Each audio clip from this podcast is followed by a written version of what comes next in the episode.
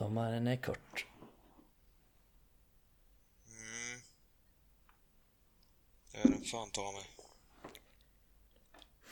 Va? Mm. Men störa in där bort. Jag det med dig. Ja, jag är redo. Eh, jag är också det alldeles strax. Jag hör det ganska lågt just nu. Det kanske var att du, du låter ner det. Nu har du mig fortfarande lågt.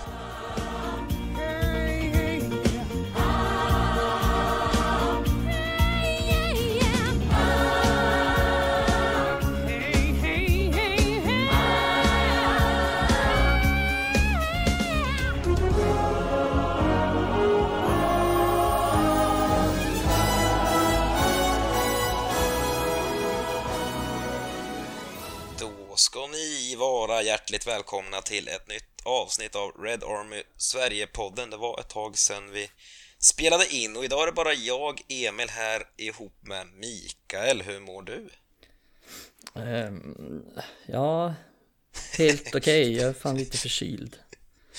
Lät Men jag inte jätteövertygande. Nej, alltså, Jag men blir annars, orolig för dig. annars mår jag ju bra. Lite alkoholförgiftning och annat skit. Eh, men det- men jag är helt övertygad om. Ja, men jag är helt övertygad om att min eh, förkylning kommer från i lördags. Eh, vad såg... Ja, Adam var ju i Manchester då. Mm. Och då på lördagen så såg ju Blackburn mot Preston. Och det var så helvetes jävla kallt där och blåste regn i ansiktet från alla håll och jag har såklart för lite kläder på mig. Eftersom jag är för snål för att köpa en extra väska med SAS så att jag packar in allt i en liten väska. Eh, så efter matchen hamnade vi av någon outgrundlig jävla anledning bland Preston-supportrarna när vi gick mot tåget och det är ganska stor rivalitet mellan Blackburn och Preston. Så att de blev ju eskorterade till tåget typ av polisen.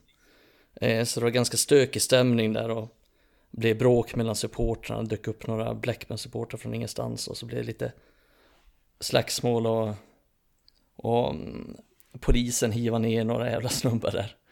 Eh, Så det var, det var lite orolig stämning där och vi missade ju tåget också, alltså vårt tåg så vi var ute extra jävla länge där och fy fan vad kallt det är. Men vi missade tåget och det var det är. Vi gick ner i pub och drack öl istället och hoppas att allt skulle lösa sig. Och det gjorde det också. Ja, det löser Tänker. sig alltid till slut. Ja, så är det. Så är det. Fan, jag, kan, jag ser framför mig hur det var den här vidriga vinden som bara låg på också och gick igenom kläderna. Ja, Uff, alltså, vidrigt det. så jävla mycket Vinden. regn också. Du vet, så här ska man kolla på, kolla på mobilen efter typ så här Google Maps och man känner bara hur det går inte att surfa liksom gratis i England längre. Nej, just det. Eh, så känner man bara hur pengarna dras och liksom regnet faller ner på telefonen och faller ner över mig. Jag känner bara ta mig härifrån. Men-. Äh, det var kul. Ja, Men nu får jag betala för det. ja men det, det är inte mer än rätt, men... eh, Nej, det är det. Ja, Vi måste ändå prata om det. Dels eh, ska vi väl göra klart för oss här innan vi börjar snacka att eh, det har ju faktiskt varit tre United-matcher sen senaste avsnittet. Det måste vara något form rekord att det är så många matcher sen sist vi pratade. Eh, vi har ju mött Arsenal, vunnit med 3-2, mött Crystal Palace, vunnit med 1-0 och sen 1-1 mot Young Boys i Champions League här i veckan. Bra Eh. timing av ledningen. Anställa en tränare så liksom hinner inte ens få vara på träningsanläggningen. Bara massa matcher hela tiden. Ja, det är fascinerande, men eh, det, det har vi pratat nog om. Jag orkar inte ens prata om det mer. Nej, det ska vi inte.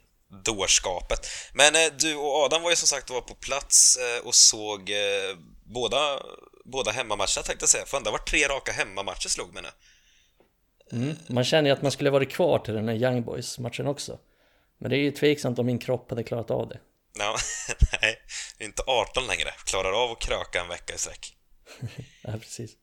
Men eh, ja, United Arsenal som sagt var och United Crystal Palace var de två matcherna ni såg. Så då var Carricks eh, sista match där fast Rangnick redan var klar då men inte fått sitt arbetstillstånd eller hur det nu låg till. Eh, och sen var det ju första match ni såg där också. Men jag tänker vi ska gå in på matcherna sen. Eh, jag tänker att många är lite intresserade av att, att höra kring din och Adams resa. Eh, många har ju, ja, de som brukar åka är ju ganska många som inte åkt nu på grund av pandemin såklart.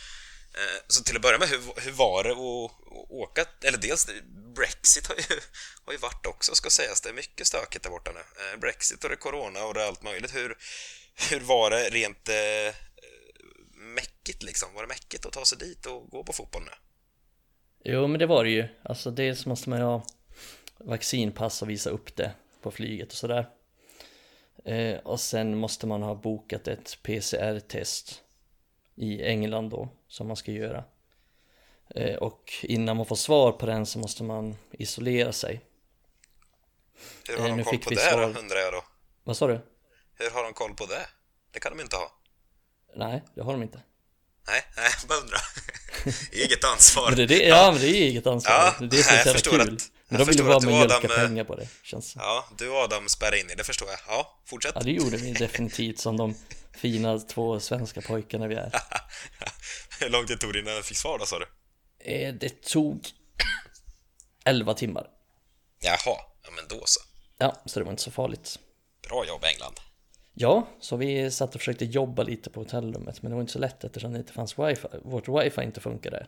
Eftersom England är ett jävla u-land. Men, men vi hade trevligt ändå. Satt och drack några burköl på hotellrummet och Ljumna.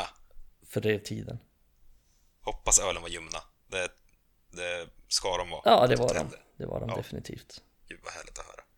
Men, Nej, eh, och sen var det ju så här också, sen måste man fylla i ett, nu kommer jag inte ihåg exakt vad, det, vad den blanketten heter, men det är typ så här, man, typ folk som åkt till USA vet om det, det är typ sån här eh, blankett man fyller i typ var man bor, liksom när man är i England, hur länge man ska vara där och om man är vaccinerad, om man är det, om man är det. Så att det är liksom så här, en blankett man fyller i och som man måste visa upp på flygplatsen. Mm. Så det var en del olika saker man måste göra, en del pengar man måste lägga ut, dessvärre. Mm. Ingen aning, men eh, ni var ju där eh, ganska många dagar och eh, såg inte bara Uniteds matcher, vad såg ni mer för matcher? Eh, vi såg Crew mot Doncaster i Papa Johns Trophy. 799 personer på plats. Mäktigt. På en arena som tar typ 10 000. Eh, så det, den turneringen är inte så jävla poppis. Plus att de två lagen ligger ju sist och näst sist i League One.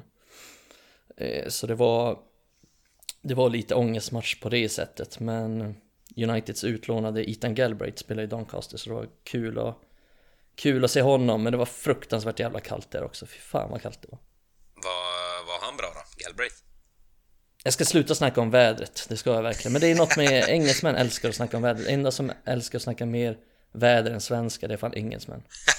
kan jag fan tänka mig. Men hur var Galbraith när du såg honom där? Um, svårt att säga för att de är så jävla svaga. Och han fick ju sparken, Richie Williams, efter matchen också när de förlorade Doncaster. Uh, så de har ju gått väldigt dåligt. Men jag tycker han gör bra saker så men det är svårt att... Han är ju, spelar in i mittfältare och sjönk ner väldigt djupt hela tiden och hämtar boll och fördelar boll och sådär. Men det är väldigt svårt eftersom de är ganska benägna att spela ganska rakt, slå ganska långt så att det kan bli passager i matchen där han inte alls är involverad. Eh, men alltså när han väl har bollen och sådär, då, då är han bra. Då hittar han lösningar och slår bra bollar och liksom, han är bra på att bryta linjer, slå, slå igenom lagdelar och sådär med, med en första pass. Eh, men han var, han var helt okej, okay, men jag har sett honom, ja inte live då, men jag har sett honom göra bättre matcher om man säger så. Mm. Inte så att Ragnik kallar tillbaka honom omgående kanske? Nej, men det är, men det är alltid svårt att veta så om, om vi snackar Ragnik och vilka spelare han gillar och vill använda. Så, det, så kan, jag skulle inte bli förvånad liksom om man ser till, ja, nu kommer ju han förmodligen inte vara kvar nästa säsong, Ragnik alltså, men om han skulle vara det, då skulle inte jag bli förvånad om han bara, nej fan jag gillar den här killen. Han gör som jag säger och han slår ut liksom raka bollar ganska snabbt så att vi kan så att vi kan liksom anfalla ganska ganska snabbt så att jag skulle inte bli förvånad om han bara hittar sådana här spelare i akademin och typ Hannibal snackade vi om tidigare som skulle kunna gå in i den här elvan och, och göra bra ifrån sig så jag skulle inte bli förvånad om man hittar den typen av spelare och bara slänger in honom. Mm. För att han gör så som han tycker att en mittfältare ska göra. Ja, kul. Sen såg ni som sagt var Blackburn Preston. Var det något mer ni bockade av? Eh, nej, det var det inte. Det räcker så säga. Det räcker så. Men kul att se Evil Park. Det är ett jävla... Jävla haveri till kiosk, måste man säga. Sålde knappt öl och sen fick man stå och köa i en timme liksom och sen tog ölen slut och... Får de, ska de upp till Premier League då får de fan skärpa sig. Så är det. Steppa upp lite. Mm, ja. Så kan det vara. Men eh, vi ska väl ramla in lite på United och vi kommer snöa in lite på eran upplevelse kring, eh, kring Old Trafford och matcherna i sig också såklart. Eh, men först, vi ska bara bocka av ändå att vi mötte Arsenal, det är ju bra länge sedan nu. Eh, men Carrick fick ju en liten avskedsföreställning där, för han eh, tackade för sig efter den matchen också. Men, eh, ja, vad ska man säga? Han dök in där och löste ändå noll förluster och tacka för sig. Man får väl ändå applådera hans tid som interim interim, som vi har landat i att det heter. Ja, men det var ju ganska imponerande ändå med tanke på att han hade inte så, okej okay, nu har han ju varit i klubben länge men som huvudtränare hade inte han särskilt lång tid att sätta sin prägel på laget men han hamnade i en svår situation där han knappt hann ha några träningsdagar. Men ändå tog 7 av 9 poäng där vi mötte Chelsea borta, Villarreal borta och Arsenal hemma. Så att det är ju riktigt bra resultat. Mm. Så det får man ge honom. Eh, han avslutar med en seger hemma mot Arsenal. Vi har inte vunnit på länge hemma mot Arsenal. Vill jag minnas. Känns det som i alla fall. Eh, så, så det var bra och det var en jävligt viktig seger. Alltså den, den segern mot Arsenal och den nu mot Palace. Alltså det är, skulle jag säga att det är de två viktigaste segrarna eh, som United har den här säsongen i ligan. Ja, men jag, tänkte säga det, alltså, det var Carrick var ju inte där för att lösa några världsproblem och liksom lösa ett nytt spelsätt. Alltså, han var ju, det som behövdes var att han skulle stoppa blödningen. Hade det varit eh, förluster mot Chelsea och Arsenal också, alltså då hade vi ju, alltså topp fyra hade nästan varit utom räckhåll då skulle jag vilja påstå. Eh, så det var ju, som du säger, livsviktiga poäng som han samlade ihop där alltså. Så det... Mm. Speciellt ja. att det var mot Arsenal också. Ja, precis, som är med i den kampen. Eh, och han gick tillbaka lite till grunderna, sätta försvarsspelet så tar vi det, tar vi det därifrån. Det kanske inte var skitsexigt, men eh, Nej, helt rätt av, av Carrick som eh, tackar för sig. Det var lite oväntat ändå att han där efter matchen uppfattade ni den när ni var på plats i England direkt? För vi fick ju, här kablades informationen ut, men uppfattar ni? För ni var väl typ kvar på läktaren misstänker när, när infon kablades ut? Uh, ja, det var vi säkert. Jag vet faktiskt inte när den kablades ut exakt, men vi fick väl reda på det på, på lite sent på kvällen där. Okay. Eh, så nej, jag håller med. Det, det var oväntat. Ja. Men vad tänker du för... Alltså jag tänker lite... Jag vet inte. Eh, lite märkligt någonstans att, att eh, det kom så plötsligt kändes det som. Han liksom var kvar där och om han har ambitioner med att själv bli, bli liksom tränare på hög nivå så hade det varit optimalt för honom rent individuellt att gå bredvid en sån som Ragnik här i, ett halvår. Och, ja, men jag vet inte annars är det väl så som han har spekulerat i att han kanske liksom kände sympati för Solskär och, och ville inte sitta kvar när han själv är en del av ledarstaben som har varit ett haveri. Men eh, är det lite svårt att... Mm. Men det var säkert en del varför det blev som det blev. Ja, det... Sen sa han ju någonting där med att han ville spendera mer tid med familjen ett tag. Ja, mm. jo. Det kan man köpa också, men tanken var ju från början att han skulle leda det här ihop med Solskär och övriga säsongen ut såklart. Så. Men ja, det går ju såklart inte att säga att han, eh, att han gör fel, herregud. Eh, men ja, en fin gubbe som man bara ska applådera och tacka av för sina insatser, främst på planen kanske, men även som ledare i flera år här nu. Ja, det, det kan man ju lätt glömma så här att han har ju aldrig riktigt lämnat United, så det här blev ju hans avsked från klubben på något sätt. Mm, mm, verkligen. Och han verkligen var en stor spelare och Mm. Inte, inte lika stor succéartad ledare kanske eftersom det inte har gått så bra för klubben när han har varit där men han har ju onekligen någon slags kompetens vilket jag tycker att han visade under de här matcherna. Även om United inte spelade precis som du sa att de var inte sitt sexigaste jag men han gjorde ändå vissa justeringar som visar på att han har någon taktisk kunskap. Mm. Känns som han hade lite annan aura än, än Solskär på linjen också. Eh, mm. Uppfattar jag genom TVn i alla fall. Och bättre intervjuer.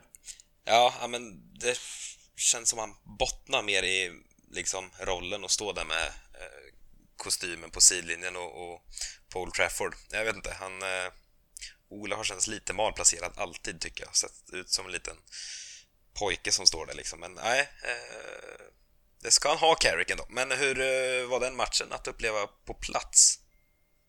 Um, det var ganska bra stämning. Det är ju ofta så att det gör ju så mycket vilken tid matchen är.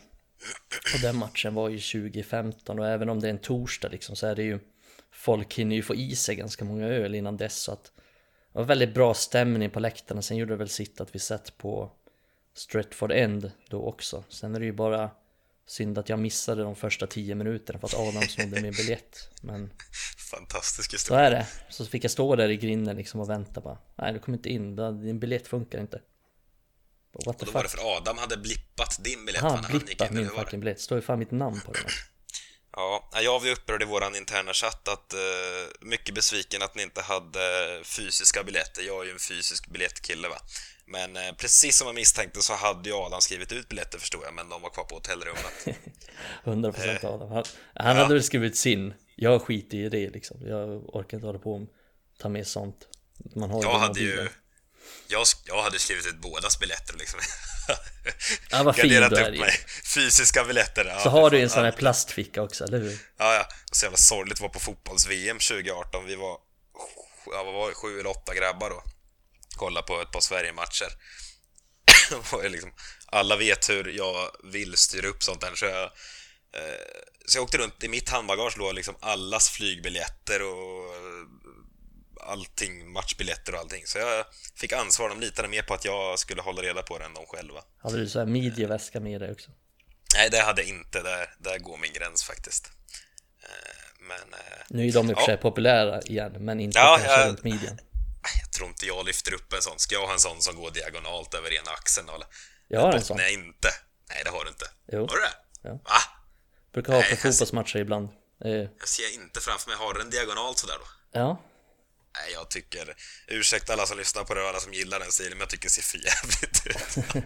men det är jag har en praktiska skäl. Det är oftast när jag är på Malmö FF-matcher och sådär, man åker på någon bortarit så man kanske inte har med sig någonting och så måste man ha typ en mobilladdare och plånbok och ja. sånt skit i den. Så är det bra att ha. Ja, jag hör dig men jag står inte bakom. Nej, det behöver du inte göra, ditt jävla svin. Rätt att jag tar ställning, det brukar jag aldrig göra. eh, Ja, men vi går vidare, vi ska inte prata mer om själva matchen Arsenal, det var så länge sedan och Carrick inte kvar och hej och hå. Eh, men eh, ni var ju också på Palace-matchen och det var ju Ragniks första match. Hur var, hur var det, om vi ska börja i den änden, att, eh, att Ragnik eh, ramlade in på stadion. Det, det var väl inte mycket till presentation om jag förstod det, utan han bara klev in och satte sig va? Ja, det är fråga inte mig. Ja, du minns inte? Nej, jag vet inte. Men inte vad jag såg i alla fall. Nej, det var ju ingen direkt presentation utan han gick in och gjorde sitt. Ja, och vad gjorde han då? Vad, vad tar du med dig från matchen främst? Um, ja, det, det, var ganska intressant att se och det försökte jag ju studera eftersom man kan se sånt ganska tydligt live. Så jag tyckte väl att, att han hade arbetat ganska mycket med pressspelet och uppställningen. Eh, United var väldigt tydliga i sin 4-2-2-2 Så är det nog många tvåor nu. Alla fattar vad jag menar. Ja, Det är 4-2-2-2-2-2-2 roll. Uppställning. Så att eh, United var väldigt bra utan boll Alltså på pressa vid rätt tillfälle och var dis disciplinerade i sina positioner. Jag tyckte Jag tyckte han fick alla att bidra till det. Eh, Men det som imponerade på mig mest var väl att vi hade kontroll på matchen Vilket vi inte haft någon gång den här säsongen egentligen. Inte i någon match egentligen Eh, så det imponerar på mest att vi hade den kontrollen, att vi inte släppte till något förutom Det var en hörna som de skapade någonting på, men utöver det så skapade de ju ingenting. Och fick knappt fram några riktigt bra anfall heller. Och då är Pallas Palace ändå, de har väl vunnit borta mot City tror jag. Eh, och jag vet att de har två raka segrar innan den här matchen på Old Trafford. Så att de har ju kvalitet, framförallt i omställningen och de har kvalitet framåt och individuellt bra spelare. Men jag tyckte United neutraliserade det bra. Och Pallas hade väldigt svårt att, att spela sig ur situationer utan att liksom tjonga den till inkast. Eh, så det tyckte jag var väldigt bra, det märktes att han hade jobbat mycket med, med det pressspelet och, det, och sätta den här uppställningen. Så att han, han satte de grunderna. Sen tyckte jag att vi var sisådär med boll, alltså vi skapade inte allt för många klara målchanser och så.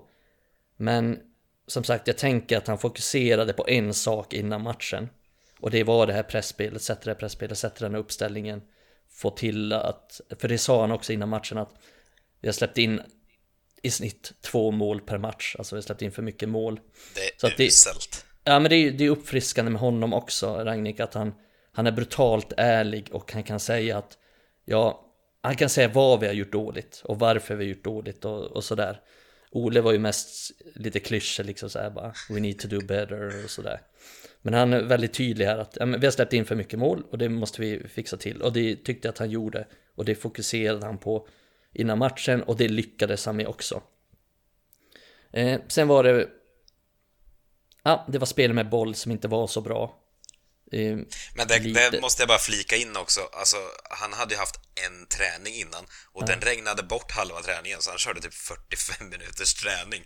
Så det är ju, det, det du säger är ju fullt rimligt. Han körde en massa videogenomgångar, typ så här ska vi pressa och sen liksom mm. ja, tar vi det därifrån. Så här sätter vi ett tryggt försvarsspel här nu. Det är det vi går ut och fokuserar på. Plus ska man väl räkna in också, alltså många av spelarna har väl inte ett självförtroende som slår i taket direkt efter den här senaste tiden. Så väldigt rimligt också att det inte så, så sprudlande ut rent eh, med boll och så. Det, det måste man ändå ge honom några veckor innan man verkligen, kan utvärdera det överhuvudtaget tycker jag faktiskt. Verkligen. Eh, det är ingen kritik så, utan mer vad som behöver, kommer behöva förbättras mm. framöver. Vilket han vet om såklart. Men mm. Eh, det var det jag såg från den matchen. Ja, men sen håller jag med där du sa att det var så, alltså det var så tryggt. Som sagt, det var inte sprudlande, men man satt ju inte och var särskilt orolig att Pelle sticker upp här och gör två pytsar. Och det har man ju faktiskt varit hela säsongen, oavsett vilka vi har mött, så har man ju känt att här kan vi släppa in mål precis när som helst. Och det, det kände man inte nu och det gör rätt mycket med ens, med ens välmående, tänkte jag säga, när man sitter och kollar på United. Eh, alltså, att det finns en trygghet och Ja, men som du var inne på också, att Ragnik i intervjuer, det finns någon självklarhet och jag fastnar ofta i att prata om aura. Alltså det, det är alldeles för tidigt att utvärdera någonting egentligen spelmässigt, men ja, det, det känns bra bara. Och det, det tillför mycket som supporter. Men hur var känslan kring, eh, kring Old Trafford i Manchester, kring Ragnik? För ni, ni höll väl inte käften? Ni pratade med rätt mycket folk, misstänker jag. Eh, är det positiva vindar som blåser eller eh, hur, hur, hur var det så? Eh, snackades väldigt lite om Ragnik faktiskt. Jaha. Måste jag säga. Eh, tror fan inte jag snackade med någon om det. Vad fan pratar ni om då? Öl bara? Nej men lite så. Nej men på... äh, bra fråga. Vet inte riktigt. Man snackar väl om massa olika saker. Kommer in på massa bisarra saker. Så här, vilka spelare som har varit bra, vilka spelare som har varit dåliga och, och sådär. Men jag snackade lite om Ragnik och på puben innan så sjöngs det liksom ingenting om honom heller. Eh, så det var väldigt lite fokus på honom, måste jag säga. Men eh, okej okay då. Men om vi ska tillbaka till matchen som sådan. Eh, någonting som också eh, ja, visar vem han är, tänkte jag säga. Alltså det är ju att en sån som Elanga helt plötsligt dyker upp i truppen. Eh, redan där höjde mig på ögonbrynen. Jaha, Elanga, för han har inte fått vara på bänk särskilt mycket.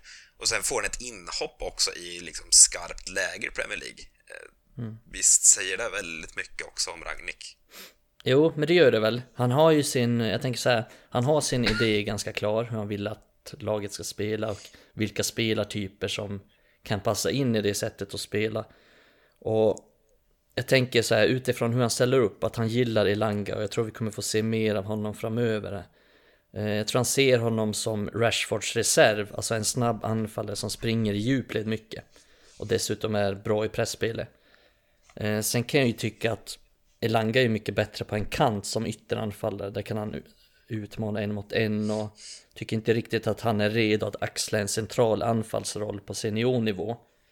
Men jag tror att det är därför han gillar att han springer mycket i djupled, att han är väldigt snabb i djupled, att man så småningom ska kunna slå raka snabba bollar i djupled på honom och på så sätt kunna kunna göra mål. Så att jag tror vi kommer få se mer av Elanga framöver och jag är inte förvånad över att han tycker om honom, att han använder honom, att han liksom spelar honom mot Young Boys också, vilket vi kommer komma in sen på. Det, det tänker jag också, det finns ju, alltså det visar ju någon form av trygghet i, i sig själv och sin tro på sig själv som tränare där från Ragnik, att han gör det. Alltså om man jämför med Solskjaer, nu ska vi inte stampa mer på honom kanske, men han, han tuggade ju vidare med en och samma spelare, även fast det, alltså, det fanns liksom inte mer att hämta någonstans i, i vissa fall kändes som. Man hade bara kört fast. Ragnik känns som han kan fastna och ge Elanga chans på chans, men Elanga är ju en intressant och kul spelare som man ser någonting i. Solskär fortsatte i samma för han var för det var hängslen och livrem. Han vågade ju inte chansa på en sån som Elanga. Eh, och nu tycker jag kanske att Elanga egentligen inte borde gå före Ahmad och så vidare. Och, och, alltså man kan diskutera vilka spelare som bör få chansen. Men, ja, det var som jag skrev det efter matchen igår mot Young Boys att spelare som man gärna skulle vilja se tog chansen igår eh, gjorde inte det. Till exempel Ahmad och eh, Donny, eh, Lingard också. Ingen av dem tar chansen. Men det tror jag skillnaden är Solstjärna roterade in så här i någon eh, meningslös match då tog inte en spelare chansen och då fick han ju aldrig mer en chans. Men jag är ganska säker på att Ragnik, han kommer, Donny kommer starta snart igen. Ahmad kommer få speltid igen. Lingard kommer få, få visa att han passar in i det här. Jag tror han har tryggheten i sig själv att fortsätta tugga på med de här spelarna om han, om han ser någonting i en spelare. Det, tror jag är sjukt mycket värt med den talangfulla truppen som vi har och de här unga spelarna som du varit inne på också tidigare, Hannibal och så vidare.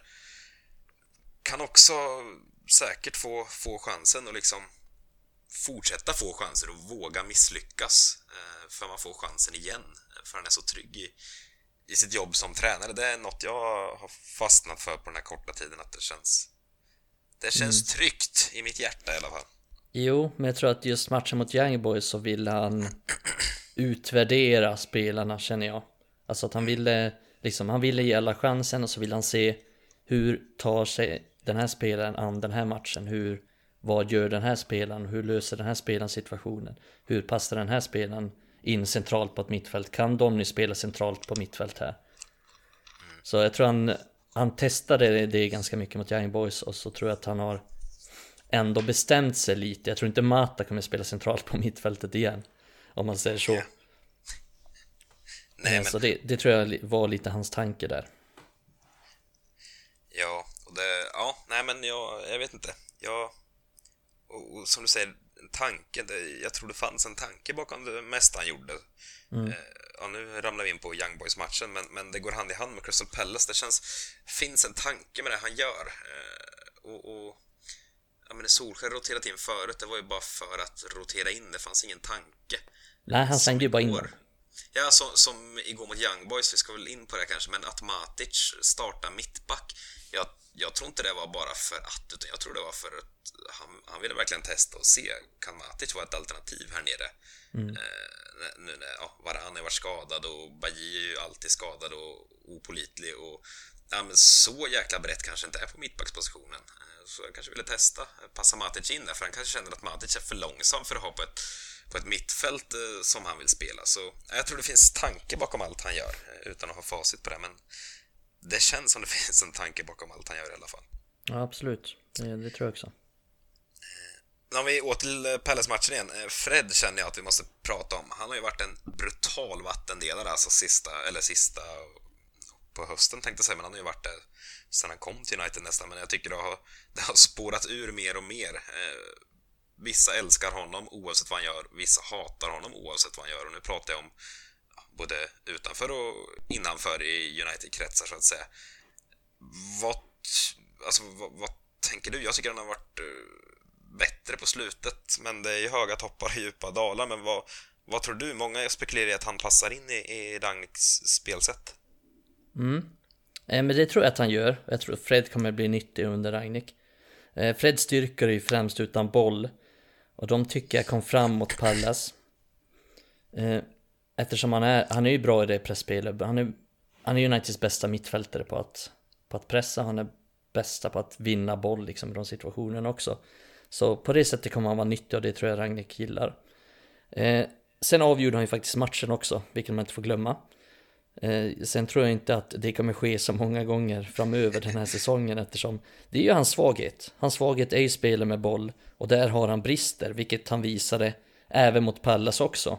Han slog bort några enkla bollar och, och så, så kan det ju vara ibland men han är ju så nyttig i det spelet utan boll och det är därför som jag Alltså som det ser ut just nu så är han den första mittfältaren jag skulle sätta in i laget. Eh, och jag tror att Ragnik känner samma sak. Eh, sen, sen kan det vara så här att i, i framtiden så, det har jag sagt förr också, att det går att uppgradera på honom. För mig är han inte liksom världens bästa mittfältare och han är ingen som ska vara helt given. Han ska inte vara första namnet på Uniteds mittfält. Men just nu så är han det. Och han är inte så dålig som han visade under Solskär. Eftersom, det var också snackat om tidigare, vi ska inte gå in på det för djupt, men han fick för mycket ytor att täcka och det blev helt omöjligt att spela på innermittfältet. Och nu har han inte lika, eftersom Ragnik vill spela med laget ganska kompakt, vilket jag tyckte att vi gjorde mot Palles också. Eh, då blir han bättre eftersom han inte behöver täcka lika stora ytor. Då kan han fokusera mer på att, på att vinna bollen och, och förhoppningsvis så blir han också, ju mer spelsättet sätter sig, förhoppningsvis blir han tryggare i det passningsspel också. Så att han kan gå mer på instinkt att ja men det är så här vi ska spela. Jag ska vinna bollen, sen ska jag spela vidare än snabbt. Och det klarar han av. Så dålig är han inte med bollen, för det klarar han av. Eh, så det, jag tror att han kommer få väldigt mycket speltid och det känns väl som att det är Ranges mittfält liksom just nu, Fred och McTominay. Det finns inte så mycket alternativ men men jag tror att han, det mittfältsparet kommer vara ganska mycket bättre än de har varit under Ole. Men det är ju också en tränarfråga, alltså en väldigt skicklig tränare löser ju för, för Fred i bollvinnandet är, alltså det är världsklass vågar jag påstå, eh, på innermittfältet. Men då, då är det upp till en tränare att bygga spelet så att Fred i sin roll får nyttja det så mycket som möjligt. Han ska vara bollvinnande och hjälpa laget på så sätt. Sen ska inte han vara den som får bollar in på innermittfältet och ska göra något, något kreativt med den. Eh, och, och där tror jag ju att Ragnik också är, är vassare än Solskjaer på liksom. Ja, men bygga, eh, ja, ge Fred den positionen och, och, de arbetsuppgifterna som passar honom. Det är ju som på vilket annat jobb som helst. Om, om du är utbildad eh, idrottslärare, då ska du inte gå och hålla en SO-lektion för det löser du inte lika bra. Det är precis här, han är, han är utbildad tänkte jag säga, men han är liksom han är en bollvinnare av hög jäkla klass som kan bidra fantastiskt bra i det. Då ska han göra de uppgifterna. Det, och då tror jag att vi kommer få ut väldigt mycket, Precis, mycket gott det, från Fred. Precis, och det tyckte jag Carrick ändrade på också, för han spelade Fred lite högre upp i planen. Mm. Och det är ju Ragnik också. Men medan Ole kanske spelar honom ganska ofta väldigt långt ner, alltså mer som en defensiv mittfältare, mer som ett ankare, som en sittande mittfältare. Och där måste ju han, liksom, där ska ju han vara en smart spelare. Han ska ju täcka ytor och se till att bryta linjer, liksom att bollen inte når fram till, till anfallarna. Och han är inte bra när han får tänka för mycket, när han får för mycket tid. Han ska ju gå på instinkt, han ska pressa högt och vinna ja. boll och spela vidare den enkelt. Och när han, han ska vara nära så, där bollen är och bara smälla ja, precis. på instinkt som sagt. För han är ju aggressiv, han är snabb och han är bra bollvinnare så att det är det han ska fokusera på att göra och det är så tror jag att han kommer användas och då kommer han vara mycket nyttigare än han var innan. Mm, han är verkligen en av de spelarna som blir, blir lite extra kul att följa framöver. Eh, tänkte att vi skulle prata lite ytterbackar också och det kan man liksom slå ihop båda matcherna också. Eh, men Tellis Optalo har ju fått chansen lite här eh, på grund av skador på både Shaw och Wan-Bissaka men många skrek om det redan innan för båda de kära ytterbackarna har ju varit fullständigt odugliga om jag får uttrycka mig så. Eh, vad tänker? Alltså när jag har sett Dalot Telles nu ingen av dem är en ytterback i världsklass, det kommer jag aldrig påstå.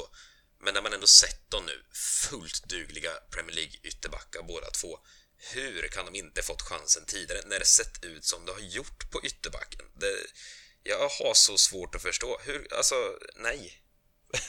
Mm. Hör du mig? jo, men jag tycker väl att det, det är konstigt att Ole körde på med samma när det inte funkade. Liksom, han gjorde ju aldrig ändringar. Men jag tror inte att, hade Ole slängt in eh, Dalot och Telles, jag tror inte att det hade blivit bättre. Det hade sett lika dåligt ut ändå. Eh, så jag tror att det här är väldigt mycket en clean start för alla spelare och då tror jag att de känner lite peppen. Men jag tror också att det är en sån här klassisk vara bra i två matcher syndromet. Jag tycker liksom inte det finns något särskilt i varken Telles eller Dalot som får mig att tro att, jag tror till exempel att Shaw kommer spela kanske redan nästa match, eller kanske om två matcher framöver. Sen är jag inte lika säker på att Van Bissaka kommer ta tillbaka sin plats eftersom han är så jävla begränsad. Men Shaw är ju bättre än vad, än vad Telles är, men...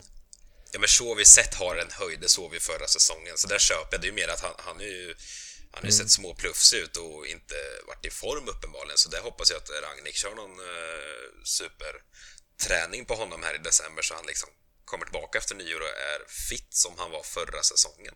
Men, men alltså det jag vill komma till ändå, det, det är just det här att, eller jag ska inte fastna där heller, men att, att Solsjö bara, bara ångade på med, med... Det såg så uselt ut. Ändå bytte han ut typ en spelare eh, till varje match. Alltså han måste ju sänkt hela truppen som såg hur dåligt det såg ut. Alltså tänk dig Dalot som sett Wan-Bissaka här, eh, hur väldigt begränsad den ytterbacken är och ändå får han inte en enda chans. Det är lite fascinerande hur en trupp kan prestera så dåligt men ändå använder man bara 13-14 personer i truppen. Det, nej, mm. det men jag känner ju nu så när vi ser de här högerbackarna. Fan Bisaka var riktigt dålig mot Young Boys och nu var ju Dalot för, förvisso eh, hyfsat bra i båda de här matcherna som han spelade men känner jag att det är ju en position vi definitivt kan förstärka på och, och högerbacken börjar bli ett problem tycker jag. Eh, och det är ett ännu större problem eftersom vi nyligen köpt en spelare för nästan 50 miljoner pund där. Eh, men jag längtar till, eh, till Ethan Laird nästa säsong. Och jag tror att det är en spel som kommer passa in bättre och som är som har högre, högre höjd än båda dem. 50 miljoner pund. Det är svårsmält du. Det är en det riktigt är dålig värvning. Ja, det är bland det värre jag varit med om faktiskt. Jag Nej, jag ska inte eh, fastna här. Jag tycker inte att Wan-Bissaka är en duktig fotbollsspelare. Det tror jag de flesta har förstått. Eh, jag tänker att vi ska fortsätta prata lite, både Ragnik och lite matcherna som varit och hur ni upplevde det på plats. Eh, men vi ska ta en liten eh, kort paus så eh, får ni höra en liten trudelutt så länge.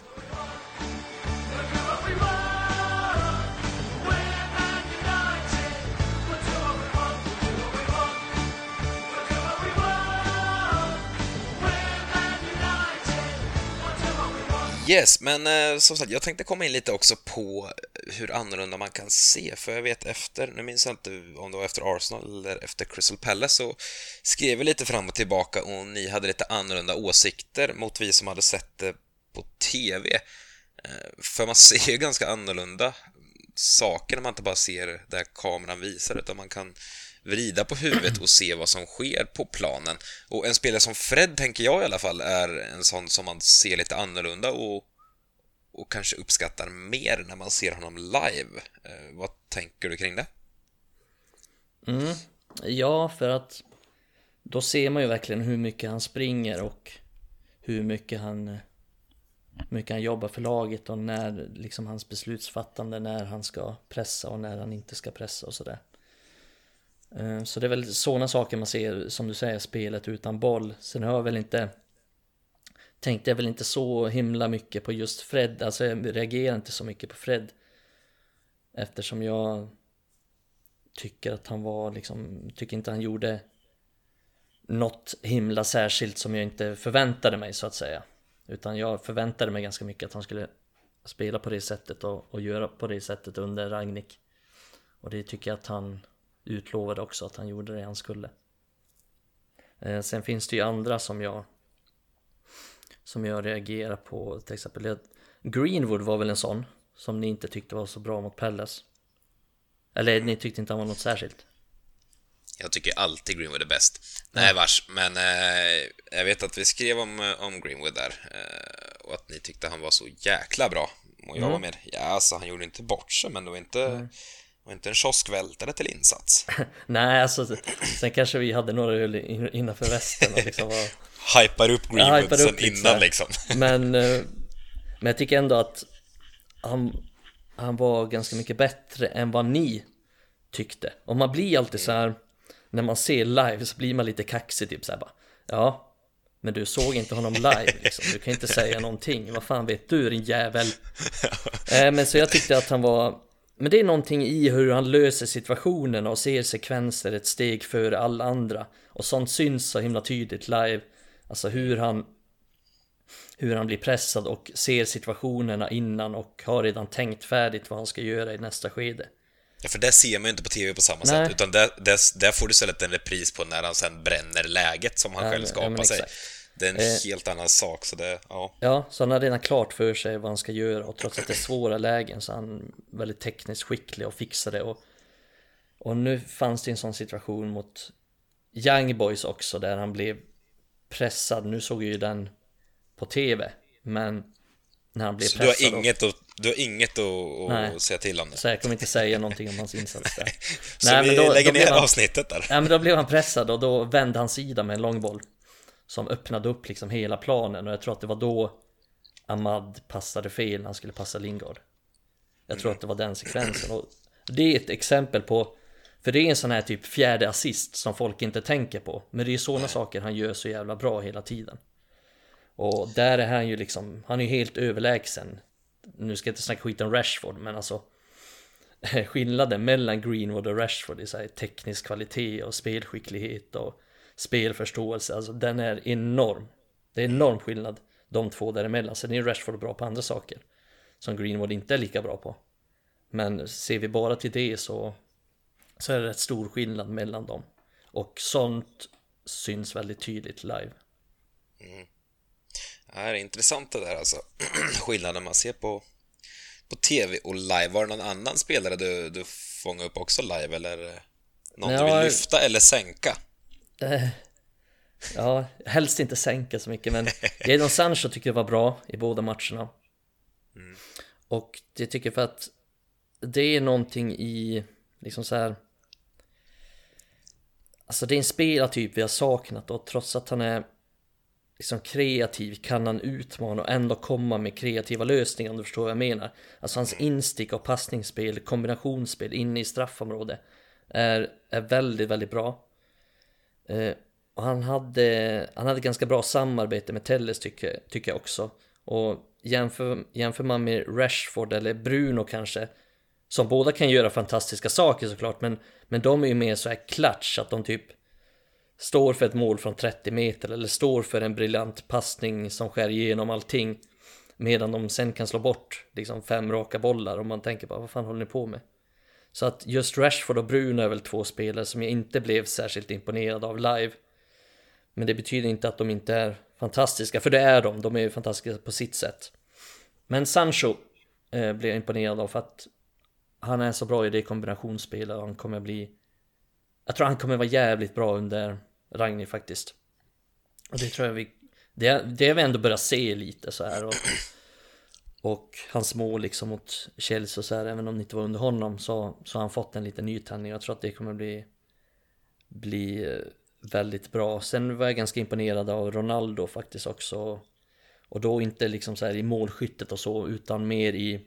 För det vet man ju att han gör bra, det är inga konstigheter liksom, det är inget som vi inte har sett förut. Men jag blir ganska imponerad av han i sitt längdspel och hur, alltså hans touchar liksom så här. och Han fick med andra i, i spelet och det blev jag faktiskt imponerad av för att det har jag tänkt på under säsongen och inte riktigt sett så mycket av men nu när jag såg live de här matcherna då då tyckte jag att han var bra i det spelet. Dock vill jag säga, det framgick faktiskt genom TVn också. Jag tyckte också att han var, var en helt annan Ronaldo man fick se här nu. Han, han, han löpte, det låter så jävla att man är född på 60-talet i Sverige och att ja, vi sprang tillsammans här va. Nej men alltså, men ändå, han, han, löpte för sina medspelare också, för han har ju tendensen, Ronaldo, han är helt fantastisk, men han har ju tendensen att, att spela för sig själv ibland, det ser så ut i alla fall.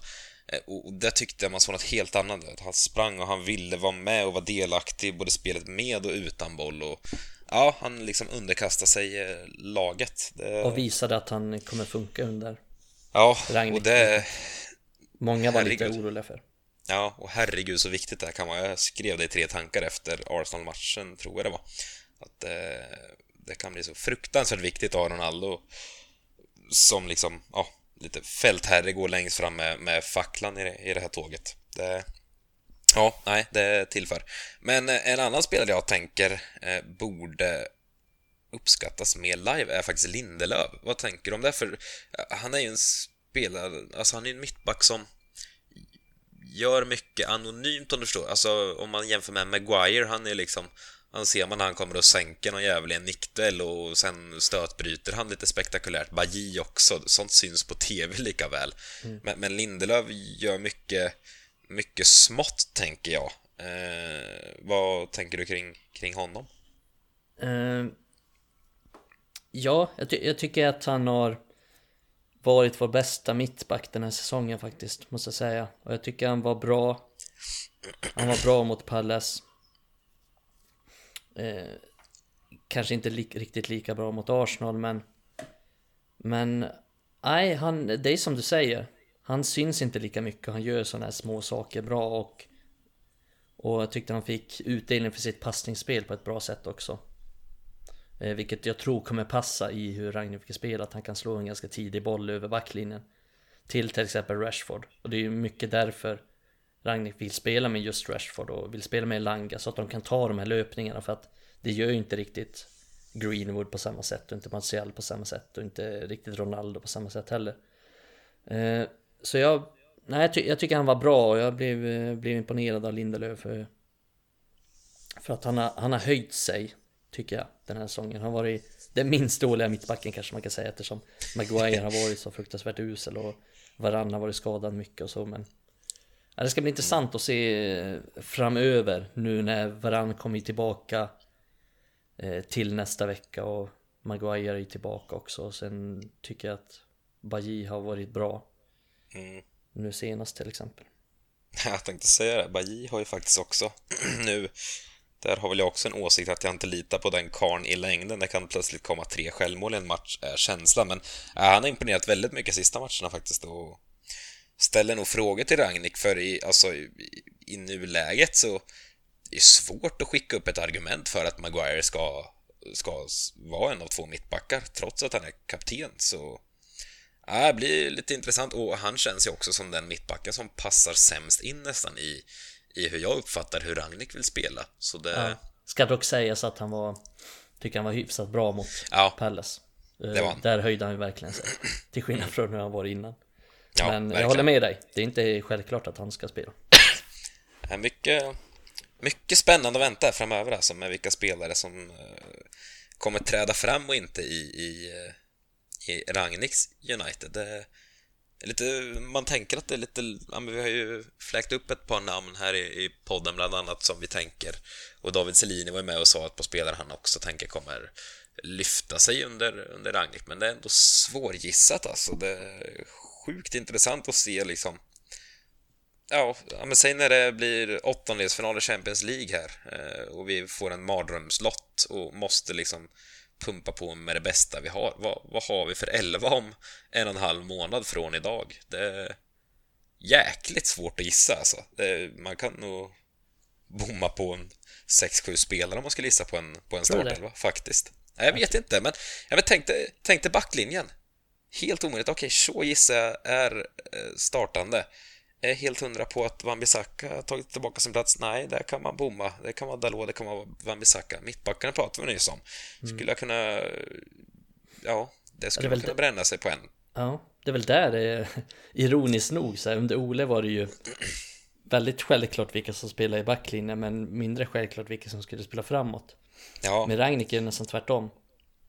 Ja, men som ändå inte självklart framåt heller, eller? Nej, det, det är klart det inte är, men alltså man har ju ändå märkt så här nu inledningsvis vilka han vilka typer han vill ha och han ändrade ju faktiskt inte på elvan från som Carrick hade mot Arsenal mot Palace och Nej. den elvan funkar ju ganska bra mot Palace och jag tror att det är den elvan jag tror att det är exakt den elvan kanske att han lägger in Shaw istället för Telles han kommer spela mot Norwich så jag känner att just nu har han hittat sin elva där men sen måste man ju nästan få in Greenwood eftersom han är för bra för att inte spelas. Men det är också svårt eftersom jag tänker nästan att han kommer vilja spela eh, Greenwood eh, bakom de här två anfallarna. Och där är Sancho bra och där är Bruno bra och där finns liksom andra spelare också som jag i och för sig nu tycker att Greenwood är bättre än nu är Greenwood bättre än Lingard och Mata och sådär men det finns ju många alternativ på just den positionen och det är väl lite där han har spelat Greenwood då mot Palace och så men han verkar ju vilja, han vill ju ha liksom framåt så vill han ju ha en djupledslöpande forward i Rashford och sen vill han ju ha Ronaldo också. Sen kan det väl bli så att Ronaldo inte kan spela exakt alla matcher då kanske han spelar Greenwood bredvid Rashford. Men vad det verkar så, så är ju Rashford liksom första valet där. Mm. Jag tänker också att han, att han körde exakt samma elva där. Det kan ju också bero på att han som sagt haft en eh, trekvarts lång träning och han liksom kände att ja, men de här har ändå spelat ihop, vi, vi kör på det här nu till en början så tar vi det därifrån. Ja, Jag tänker, ja, men vi har sagt att en sån som Donny har vi sagt bör kunna lyfta sig i det här. Var ska han passa in då? Eh, Cavani kommer tillbaka sen. Han känns som han är ju en pressspelare av rang, så det känns som han skulle få sina minuter. Lingard är ju fin i det här spelet också, nu var han dålig mot Young Boys, men... Jag vet inte, jag tycker det känns... Eh, jag tror att det kommer eh, skiftas mer än vad vi tror i, i startelvan framöver, men eh, det blir sjukt intressant att se som sagt var hur... Vilka som kliver fram, vilka som faller bort och så vidare och så vidare. Eh, vi kanske ska prata lite mer om Young Boys-matchen ändå som är eh, den färskaste minne, även om den inte betydde något särskilt. Eh, eh, gruppen blev inte ens avgjord igår för det snöade bort nere i Bergamo. Atalanta, Villarreal eh, lyckades inte komma till spel. Eh, snöa ymnigt där. Eh, det såg man inte komma. Men eh, United är klara eh, gruppsegrar i alla fall och Young Boys är klart att de inte går vidare. De kommer sist. Eh, vad, vad tar du med dig från den matchen? Det var ju en, en trupp som luftades, vi har varit inne lite på det, att det testades lite, lite hejvilt eh, med Matic på mittbacken och van de Beek var ju den mest defensiva mittfältaren på plan liksom. Eh, Ja, herregud. Det, vad, vad tänker du om det till att börja med? Alltså den, den, den offensiven, eller vad man ska säga, att, att Donny är mest defensiva mittfältarna. Vad, vad Ja, men tänker det, du? Ja men det måste ju varit så att han Som jag sa innan att han ville testa liksom de här spelarna Hur klarar de av den positionen? Det kan ju inte vara så att han på allvar trodde liksom att Mata ska vara något defensivt ankare. Eh, Sen Nej. tyckte jag ju Mata var rätt kass i matchen och Donny var väl inte fantastisk heller men Jag tror att det är svårt att skylla på de spelarna eftersom eh, Nästan alla som spelar i den här matchen har knappt spelat någonting den här säsongen. Eh, Vissa har Ja men Ahmad har inte spelat en enda A-lagsmatch Till exempel, inte en enda minut Innan. Och Mata har väl knappt gjort det heller. Han har väl några minuter. Eh, Så det är med svårt i att Kalanka Cup eller något. Någon Ja, det, det är svårt att döma ut dem Så här en- enskilda spelare. Sen tyckte jag att Som lag Så var det inte så imponerande eftersom Han ställde upp med ett Jävligt obalanserat lag. Alltså det är helt sjukt att han ställde upp med det Med det i mittfältet. Och det syntes ju verkligen jag tycker det är svårt att ge någon större kritik till så här enskilda spelare. Men det är klart Lingard var ju inte så bra. Mata var rätt dålig och Det har väl varit överens om länge att ja, Det finns väl inte riktigt någon mening med att Ha kvar honom. Men Ole tyckte ju att det var så viktigt att spela Mata före Angel Gomes som nu gjorde ett mål och en assist och tog Lill till gruppsegern i Champions League. Så det visar ju sig vara ett kanonbeslut. Nej men så Jag tycker inte vi kan ge någon större så här spelarkritik då eftersom laget var så pass obalanserat men Tycker det det var en rolig match ändå. Det var kul att se den och det var många nya som fick spela och många som fick chanser. Jag tror att det var viktigt på så sätt att han vill sätta sitt spelsätt och han vill få in alla spelare i hur man ska spela för att det kommer ju komma en tid där Donny behöver få spela centralt på mittfältet. Och då behöver han vara redo för den rollen och då är det bra att han har fått den här matchen. Så på så sätt var det viktigt. Sen tycker jag att till exempel eh, Greenwood var överlägset bäst på planen och Bailly var ju faktiskt också bra. Mm. Eh, så det, det var ju kul att se. Och, och det gör mig, ja men det gör mig glad att han, att Greenwood just, fan jag är jävligt inne på honom nu men jag tycker han var så jävla bra i den här matchen. Och glad att han verkar ta till sig träna på rätt sätt eftersom jag tycker att han har varit bra sen Ragnhild kom in och jag lyssnade på Ragnhilds intervju efter matchen och det är uppfriskande hur ärlig han är. Alltså dels kring lagets prestationer och vad som gick fel och varför United var så dåliga. Han var ju, han var ju helt vansinnig på att United höll på med det här kortpassningsspelet där nere. Och det ser jag som en konsekvens av den tidigare tränaren att man står där nere och petar lite till varandra och man har inte riktigt någon tanke i hur uppspelen ska funka. Och det tyckte jag man gick tillbaks till och det var ju inte han nöjd med. Och det var det därifrån deras mål kom också. Någon helt jävla onödig passning där liksom. Från Donny till Fambisaka som inte var beredd. Men det skulle komma till var ju att det var uppfriskande hur ärlig Ragnik var kring Greenwood. Eh, han sa ju där efter matchen att han tycker att Greenwood är en fantastisk spelare, liksom, fantastisk teknik och liksom hans tekniska förmåga och kan skjuta med båda fötterna och, och där finns det liksom ingenting att klaga på eftersom han är han är 20 år och är på en sån hög nivå kring alla de aspekterna. Men han tryckte på att Greenwood behöver förbättra sin fysik. Och det jag gillar att han säger det öppet.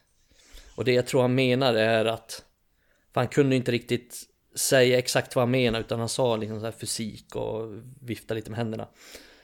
Men det jag tror att han menar är att han Greenwald behöver få lite mer glöd och lite mer uthållighet kanske. Lite mer power. Mm. Och när han liksom, och det hoppas jag att, och tror att Ragnhild kommer jobba med de delarna och när han liksom jobbar till sig de delarna, för det är inga svåra grejer att jobba sig till. Det är ju ifall Greenwald liksom inte har mentaliteten, men då är han ju körd på en gång ändå. För han har ju alla de här tekniska färdigheterna redan. Så att han behöver bara jobba med den fysiken och och, och få, får han det till sig då kommer han, då kommer han bli jävligt, jävligt bra. Eh, jag tycker det är lite synd för han inledde säsongen så bra centralt. Också. Sen kom Ronaldo och så blev han förpassad till en kant igen och så försvann han lite och gjorde inte mål på många matcher där och han har som potential i straffområdet att göra Alltså det här målet han gör nu mot Young Boys är ett helt otroligt mål mm. Eh, så jag tror att Ragnik är rätt man att kunna få till en utveckling på honom Och får vi det, liksom jobbar han till sig med den här fysiken och blir lite bättre i straffområdet också, lite bättre på att nicka och sådana där små detaljer. Då tror jag att vi har en spelare som kunna, kommer kunna göra typ 30 mål redan nästa säsong. Men det, det är lite samma som med Fred på honom, tänker jag. Att, att en god tränare, alltså det finns så mycket fotboll i honom, så liksom en, en bra tränare hittar eh, ett ett sätt, en position till den här spelaren som, som får ut max från honom. Och i ett välfungerande... Alltså jag tycker att Greenwood är... Jag tycker att han är underskattad spelare överlag. När jag pratar med kompisar och så som liksom inte ser varje United-match, men som är, är liksom, ja, högst Premier League-intresserade och kanske ser varannan United-match och inte grottar ner sig. De skrattar ofta åt mig när jag lyfter Greenwood, som jag säger. Alltså han... Eh, jag tyck, Alltså jag tror på riktigt han är topp 5 i världen inom... Jag vet, jag sa det i något poddavsnitt för typ ett år sedan nu, att jag tror han är topp 5 i världen inom tre år, så det är två år kvar nu. Eh, riktigt så snabbt kanske inte går, vad är han då? 22 bast? Alltså det kanske dröjer tills han är 25 liksom, men... Jag tycker han är så jäkla fantastisk och att folk missat det lite tror jag beror på att United som lag har spelat så dåligt. Mm. Och liksom... Men i ett välfungerande lag tror jag att man, man kommer få se fantastiskt mycket fin från honom. Alltså, helt övertygad. Jag tycker han är, jag tycker han är helt fantastisk. Det har jag mm. Sen är det en sån spelare också som eh, Som jag tror, eh, ja vi snackar att han är 20 nu, att han kanske inte vinner Ballon d'Or när han är 22, han kanske vinner när han är 23 Nej men han är en sån spelare som jag tror kommer vara som bäst när han är liksom 28-29, alltså i den åldern snarare än 22-23. Jag tror att Rashford kanske är en sån spelare som är som bäst när han är 25. Men jag tror att Greenwood kanske är som bäst när han är 30. Mm. För att han är ju mer den här Robin van Persie typen som som har så bra spelförståelse och så bra grundteknik. Och ja, men kommer kunna när, hänga kvar väldigt länge Ja, i, i och som när han kommer mogna liksom i spelet. Mm. Och Instämmer. få till de här fysiska egenskaperna som han behöver förbättra. Då kommer han vara så jävla bra. Och jag skrev ju det, jag tweetade om det igår. Så skrev jag att jag tror inte folk fattar liksom, folk som ser Greenwood regelbundet eller ser honom live. För det vill jag också trycka på live, liksom hur imponerad jag blev av honom där. Jag tror inte folk som inte ser det fattar hur jävla bra han är och kommer bli. Och när jag skrev det så var det någon jävla tjomme som kommenterade typ att eh, alla engelska supportrar bara hypar sina spelare liksom. Eh, och det gör säkert sina, det gör säkert de här Liverpool-supportrarna. Det har jag ingen aning om. Men just med Greenwood så tycker jag att det är befogat. Och att han är han har sån otrolig potential. Jag har ju sett honom i, jag har ju sett honom sedan han var liksom 15 år. Så jag har ändå sett honom i fem år regelbundet varenda vecka och ser hur mycket han har i sig. Och jag är helt övertygad om att får han till, liksom har, får han till, har han den rätta mentaliteten och tar till sig av en tränare som Ragnik till exempel och jobbar på de här bitarna, ja då kommer han göra 30 mål för United varenda säsong. Ja, men jag tror också att han kommer fortsätta, alltså även om han skulle slå igenom eh, på riktigt, om man får, ja, om du förstår vad jag menar, eh, så liksom på bred front så alla får upp ögonen för honom. Jag tror ändå att han, han har den spelstilen att han kommer fortsätta vara lite underskattad. Jämför med typ eh, Håland liksom. Han är så sjukt spektakulär med sin sjuka speed och genom, genombrottskraft liksom. Så det tror jag kan göra att ja, men Greenwood kanske aldrig kommer bli aktuell att vinna Ballon d'Or, för han är inte så spektakulär. Och liksom, Ronaldo har vi ju sett, eh, när han, alltså Ronaldo och Messi, de har varit spektakulära spelare båda två. Mm. Det tror jag inte riktigt vi kommer få från Greenwood, alltså om du förstår vad jag menar, utan han mm. kommer vara den här som, han är så sjukt jäkla bra. Alla tränare i världen kommer uppskatta honom något enormt, för han är så sjukt bra. Men mm. för gemene fotbollstittare som liksom inte kollar ordentligt om du förstår vad jag menar, kommer liksom bara mm. Jaha, jo visst, han gjorde 22 mål, men det gjorde ju Aubameyang också. Aubameyang är ju bättre. Alltså, mm. ja men du fattar vad jag menar. Jag tror ja, inte men jag fattar definitivt vad du menar. Och jag kan hålla med om det. Är inte så... Ja, han är spektakulär på ett sätt, men det är ju... Ja. Det är ju det är inte främst det jag är imponerad av. Jag är liksom inte imponerad av att... Jag har ingen ens koll på ens hur många mål han har gjort den här säsongen. Det är nästan helt oviktigt för mig. Nu ska jag inte säga att det är oviktigt, men om du förstår vad jag menar. Att det jag blev imponerad det är ju snarare det spelmässiga, alltså sakerna han gör på planen och liksom passningsspel, mottagningar, touch och så vidare. Det är ju sådana saker. Sen kan jag hålla med det där att ja, det finns andra spel som är mer spektakulära och det, då kan ju Rashford vara en sån. Som är ja. väldigt lätt att ta till sig för ögat där när han kontrar in ett hattrick mot Leipzig. Men som du säger, där kommer liksom ju inte brintiden vara lika, brintiden kommer inte vara lika lång där. Nej, precis. Och då ser man hans snabbhet liksom. Han sätter ett hattrick och ser jävligt bra ut. Eh, för Rashford kan ju göra sådana matcher och han har ju den egenskapen att han kan rinna igenom ett försvar som står högt upp. Och det är därför Raffe Rangnick gillar honom, Rashford också. tror jag. ja, men för man har ju svårt att se, jag har i alla fall det, eh, Rashford pusha 30-årsstrecket och, och liksom för då kommer hans speed kommer ha liksom dalat lite och, och alltså hans, hans styrkor sitter mycket i det fysiska. Eh, Likaså en sån som Håland. Nu, nu tycker jag han är helt fantastisk i och för sig, men alltså med, med, åren kommer han tappa lite av det här extremt eh, fysiska han har och eh, då tror jag inte han är lika spelskicklig som, som Greenwood på liksom hanka sig kvar i världsfotbollen när man är 32, utan då kommer det nog ha dalat lite. Eh, min killgissning i alla fall, tänkte jag säga, men, äh, men för att knyta ihop det så tror jag att Greenwood kommer vi se i världsfotbollen så sjukt länge.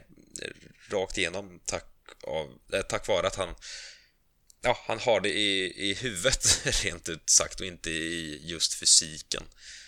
Och det tror jag, ja, nej, det tror jag vi kommer få njuta väldigt, väldigt mycket av. Eh, framåt här nu då. Vi har Norwich borta på lördag. Eh, och du brukar inte tycka om när jag pratar scheman, men nu när vi fått en ny tränare då måste vi väl ändå bara flika in det. Vilket drömschema det är för Ragnek och, och bygga ett eget spel här framöver framförallt, eller?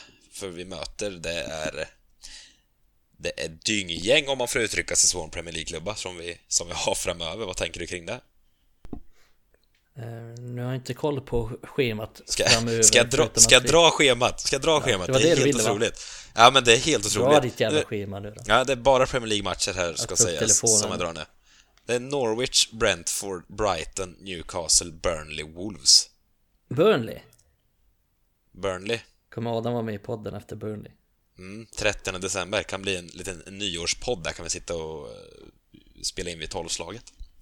Ja, men det är ju ett spelschema som är... Alltså United är ju ganska stora favoriter i varje match, eller är väldigt stora favoriter i varje match. Eh, mm. Tror, tror du det... Är, det bra eller dåligt för, för Ragnik att spelschemat ändå är så lätt eh, inledningsvis? Hade det varit bättre att liksom få, få mäta sig mot uh, topplagen?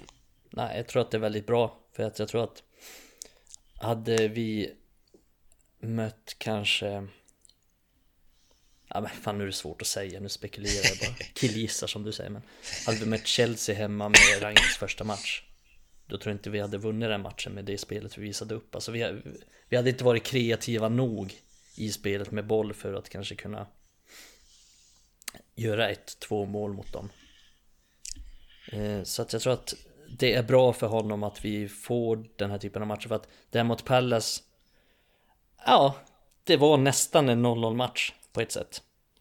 Eh, men vi fick in ett mål där till slut. Eh, vilket kanske inte hade hänt mot ett bättre lag.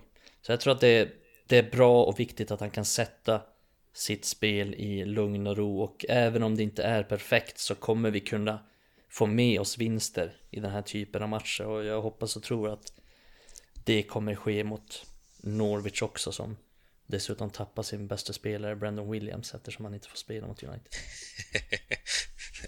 det, det var du fan färgad som säger att han är bästa spelaren, det måste jag påstå. Det var inte helt allvarligt kanske. Han har inte imponerat i Norwich tyvärr, han är ju, han är ju faktiskt blivit petad i... Ja men nu under din smitta i tider. Ja, det har han faktiskt. Men eh, vad tänkte jag säga? Och då har jo, de börjat vinna eh, också. Ja, ja, det är sant. De är farliga nu, Norwich. Eh, Va, tror du det finns någon risk att, precis som när Solskär kom in, hade ju han ett äh, enkelt schema och det bara smällde till och man tänkte woho och sen blev det tvärstopp, får man väl nästan kalla det. Nej, inte riktigt, men eh, det, det hände ju något sen. Tror du den risken finns här också, att nu liksom flyger man högt mot de här dynggängen och sen eh, efter nyår där någonstans så vänder spelschemat och så springer man rakt in i en vägg. Tror du den risken finns? Jo, det tror jag. Eller eh, kanske inte så springa in i en vägg, men vi har snackat om det innan också att jag tror inte man kan förvänta sig några stora underverk från Ragnik den här säsongen. Alltså, jag sa det redan innan när vi spekulerade om vilka tränare som kanske kan komma till United. Och då sa jag att ja, men Rangnick han har aldrig tränat ett riktigt topplag. Och han har knappt coachat ett lag de senaste tio åren. Han är ju mer av en filosof, en sportchef typ. Och sen är han ju duktig, liksom, han är ju en bättre fotbollscoach än vad Solskjaer är. Och han kan implementera sin spelstil, det har vi sett. Men det, jag tror inte att det kommer vara perfekt, liksom att United kommer gå rent resten av året. Det är inte på, på den nivån, men jag tror att det... Så jag tror att vi kommer få se plumpar. Det kommer vi definitivt. Vi kommer inte vinna varenda match. Men jag tror att liksom nu, de kommande matcherna, så tror jag ändå att det kommer se bättre och bättre ut. Och efter nyår så kommer det nog se ännu bättre ut eftersom spelet har satt sig då. Men det är väldigt svårt att säga hur, hur allting kommer utveckla sig. Det kanske är så att han liksom får ut all den här potentialen av United. Han får ut all sin egen potential som tränare. För det har han ju ändå. Han har ju ändå en, en potential där. Även om han är 63 år och aldrig har tränat något stort lag eller vunnit något riktigt stort så har han ju en filosofi och en tanke med, med allting han gör och det är ju bara att hoppas att han får ut allt det och att United tar sig till eh, åtminstone en fjärde plats för det får väl vara målet den här säsongen att komma topp fyra. Mm. Och ta sig långt i Champions League kanske. du, du får ursäkta, men jag tror att många lyssnare ändå eh, är som mig och gillar att kolla spelscheman. Alltså, vi, vi har nästa match där United läst då eh, högre i odds än motståndarna. Det är 5 mars när vi har City borta. Alltså innan det är vi ganska kraftiga favoriter i varje match skulle jag säga. Eh, sjukt spelschema faktiskt. Och sen eh, därefter när vi har City så då kommer City, Spurs, Liverpool, Leicester eh, i rad där. Så då, då vänder det så det sjunger om det. Men eh, ja, det blir mm. sjukt spännande att se.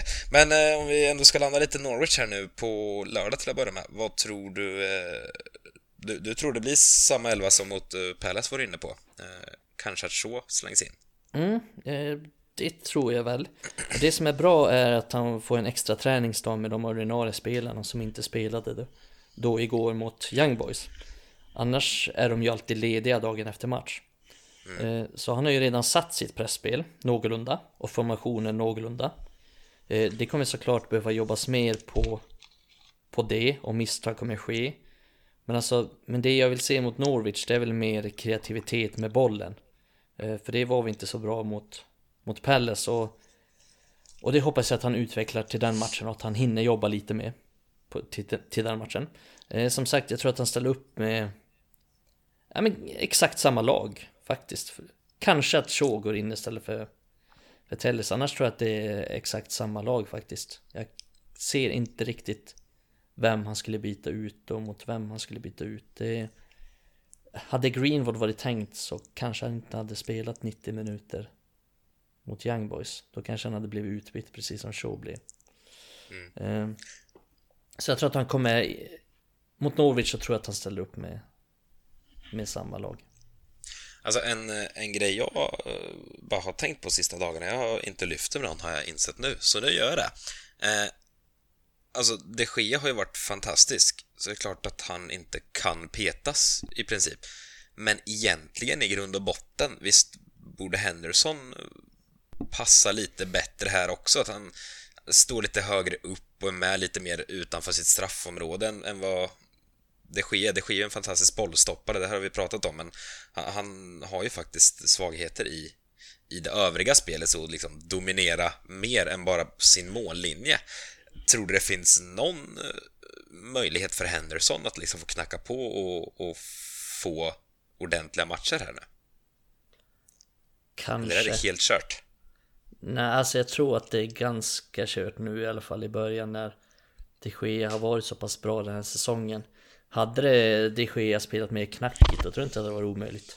Så att Henderson har ju lite otur på det sättet. Men sen, jag vet inte riktigt. Jag kan ju se vad du menar där och jag tänker också att det är ju någonting jag gillar att, att Henderson är ju lite mer proaktiv, han kommer ut lite mer och sådär. Men, men samtidigt vill ju inte Ragnik att målvakten ska vara delaktig i nästan någonting. Alltså han vill att de ska spela bollen framåt, han vill ju inte att mm han bryr sig inte så mycket om en målvakt. Han är ju inte Pep Guardiola där som Nej. spelar den målvakt som är bäst med fötterna. Han vill ju aldrig att bollen ska gå bakåt till målvakten liksom och han vill ju alltid spela framåt så på, på det sättet, de Gea har ju inte världens bästa fötter så och det har ju förvisso inte Henderson heller men jag tror inte att han jag tror han bryr sig mindre om det än vad vi tror. Men det är bara min magkänsla men det kan ju vara så att, för jag tyckte Henderson var bra eh, mot Young Boys. Tyckte ja, han var bra på alla sätt liksom. Han var bra i skottstoppandet och han var bra på att komma ut och vara proaktiv. Jag tror att Henderson är ju en av dem som kände att nu har jag verkligen en chans att visa att det är jag som ska spela. Och mm. jag tror han kände det och, och det visade han ju verkligen. Men jag tror inte att Ragnik kommer ändra. Ja, och Henderson spelade väl lite för att skylta, göra reklam för sig själv till andra klubbar också ja, för den delen.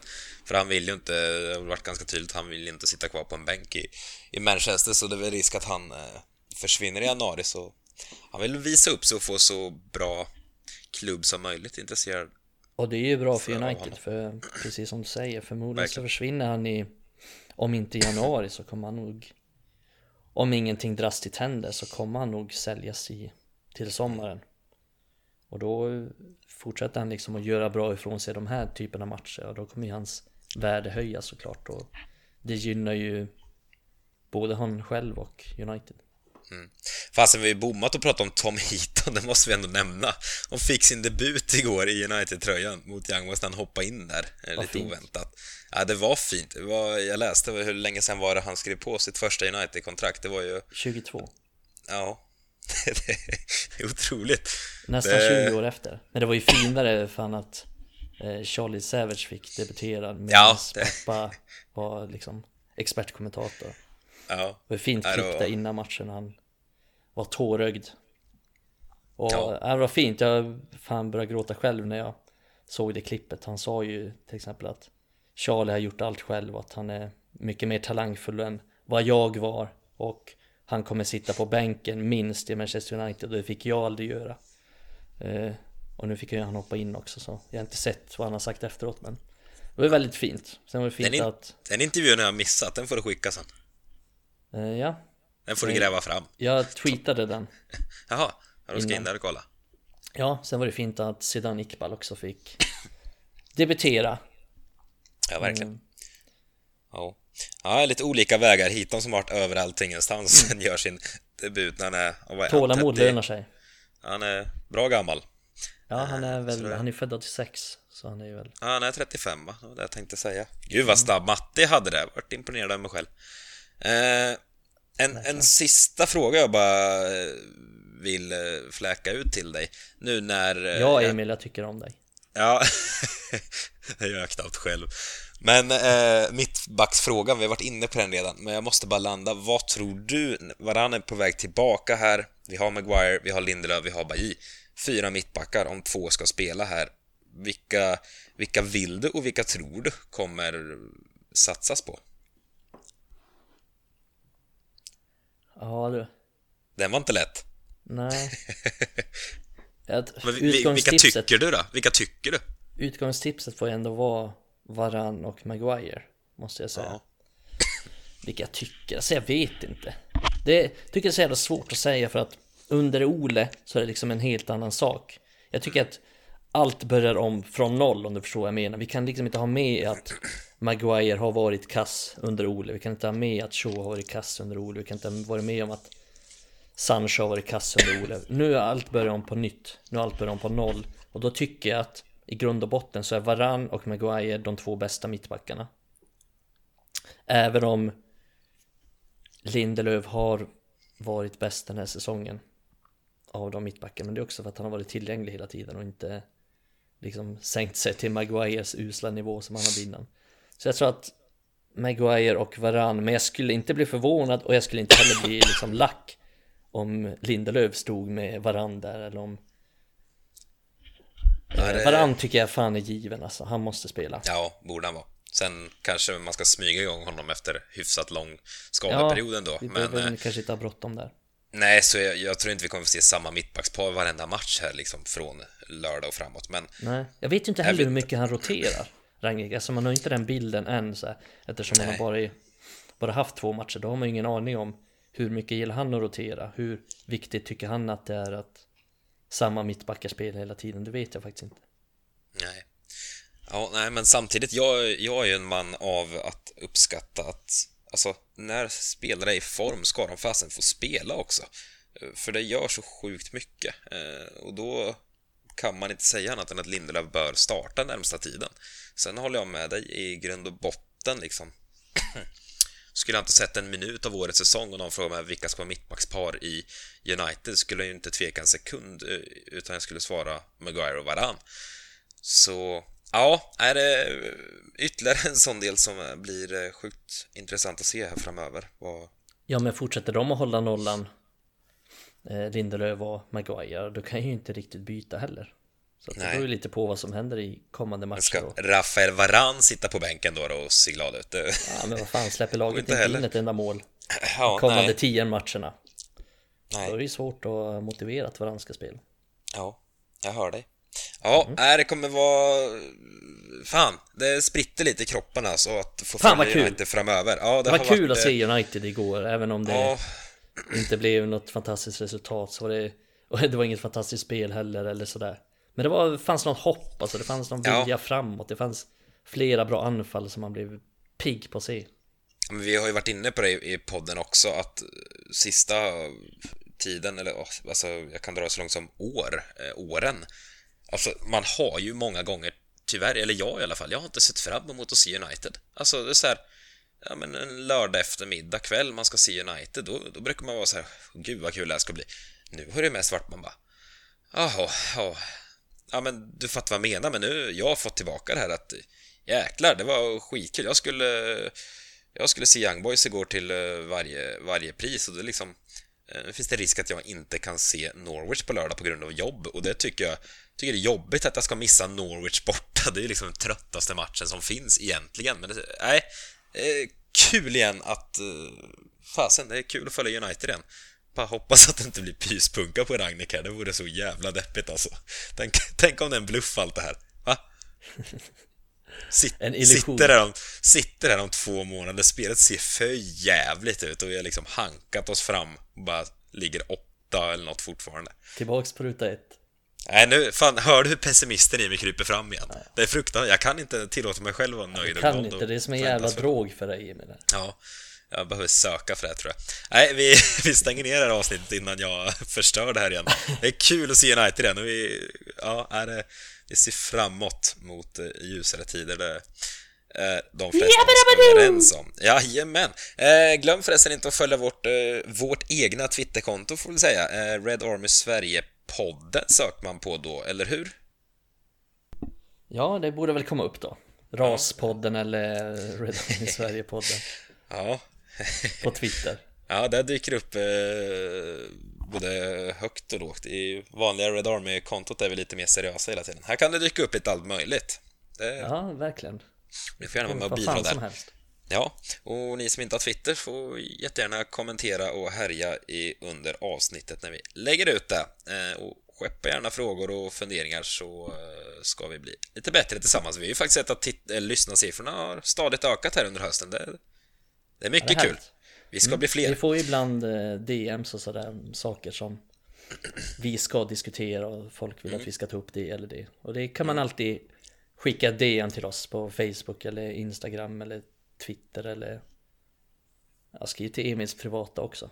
Han ja. få lite fler messenger chats. Skicka, skicka ett gammalt hederligt äh, brev. Skicka ett brev till Emil. Handskrivet. Det är svårt också att säga att folk ska skicka till mig för jag heter Emil Gustavsson. Det är inte lätt att hitta mig på Messenger kan, kan, de, inte, kan de inte skicka sådana, de klipper ut bokstäver ur tidningar och skickar brev till dig? Scrapbooking heter det va tror jag? Ja, inte fan vet jag, det känns som en seriemördare grej. ja, men, jag tror det heter scrapbooking, de klipper ut och klistrar in och, och gör fint. Min, min lilla kusin höll på med det när hon var eh, liten, minns jag. Jaha, eh, jag tänker mer, det är mer destruktivt, det är de breven jag tänker. Du, ja, ja, ja, så det kan man tänka Zodiac Killer eller något sånt som skickar ja. brev till polisen på så sätt. Ja, ja, jag hör dig, jag hör dig. Nej, nu, nu eh, tackar vi för oss så hörs vi eh, nästa vecka igen. Eh, ha det så gott tills dess. Hej, hej!